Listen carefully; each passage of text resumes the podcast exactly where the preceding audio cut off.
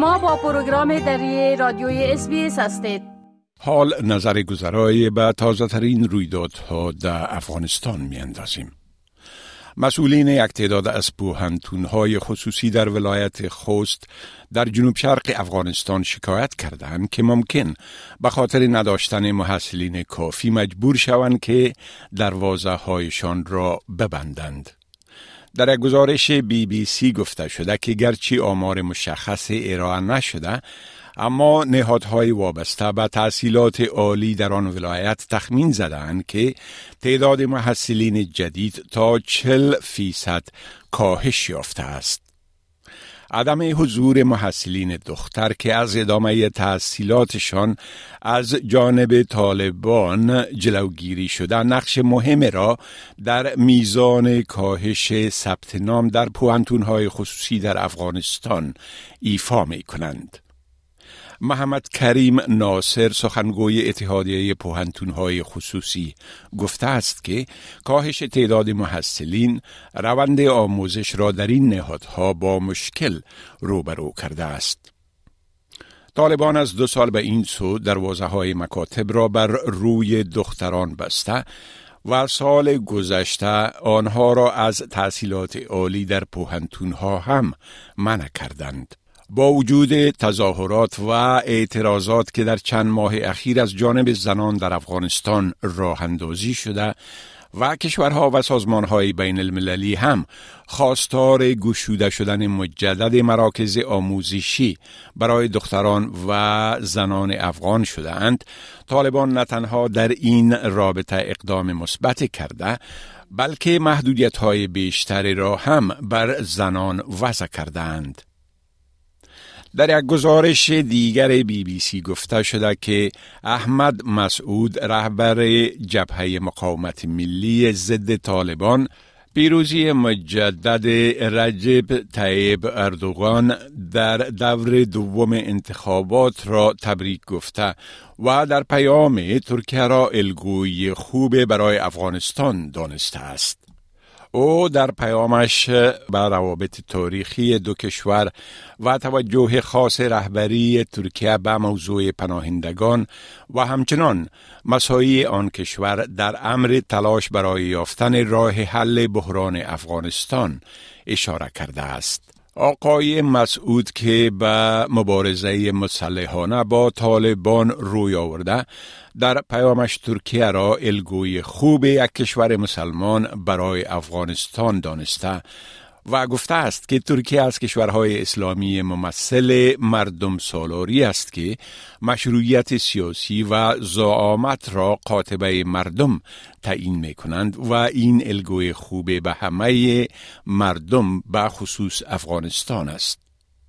در اولین لحظات پس از شمارش ابتدایی آرا که پیشتازی آقای اردوغان مشخص شد وزارت خارجه طالبان هم پیام تبریکی محمد حسن آخوند رئیس الوزراء را نشر کرد.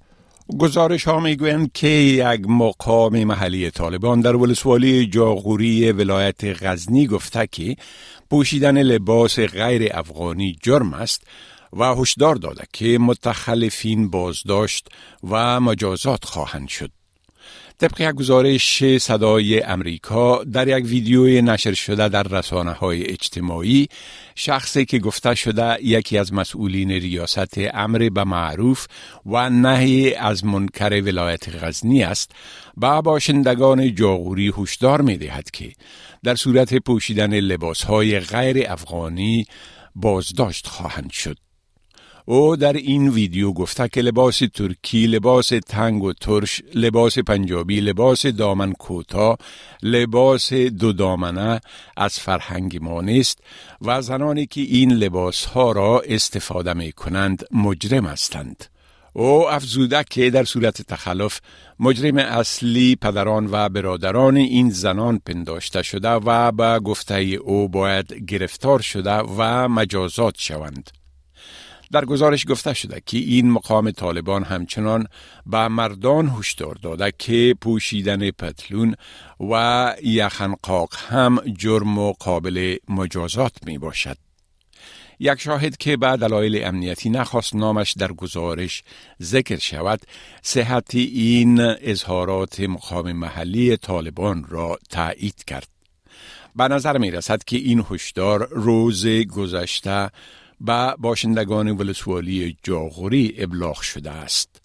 در گزارش صدای امریکا گفته شده که این در حال است که علمای دین در سایر کشورها می‌گویند که پوشیدن لباس با فرهنگ یک کشور ربط ندارد و به همین دلیل مسلمانان در کشورهای مختلف لباسهای مختلف می پوشند.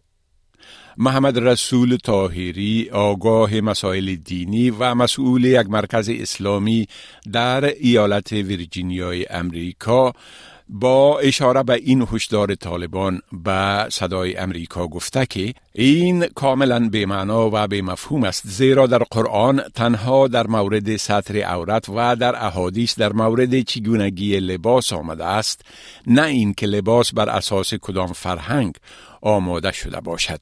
تاهیری گفته که در قرآن برای مردان پوشانیدن بدن از ناف تا پایین زانو و برای زنان از یخن تا بند پا است.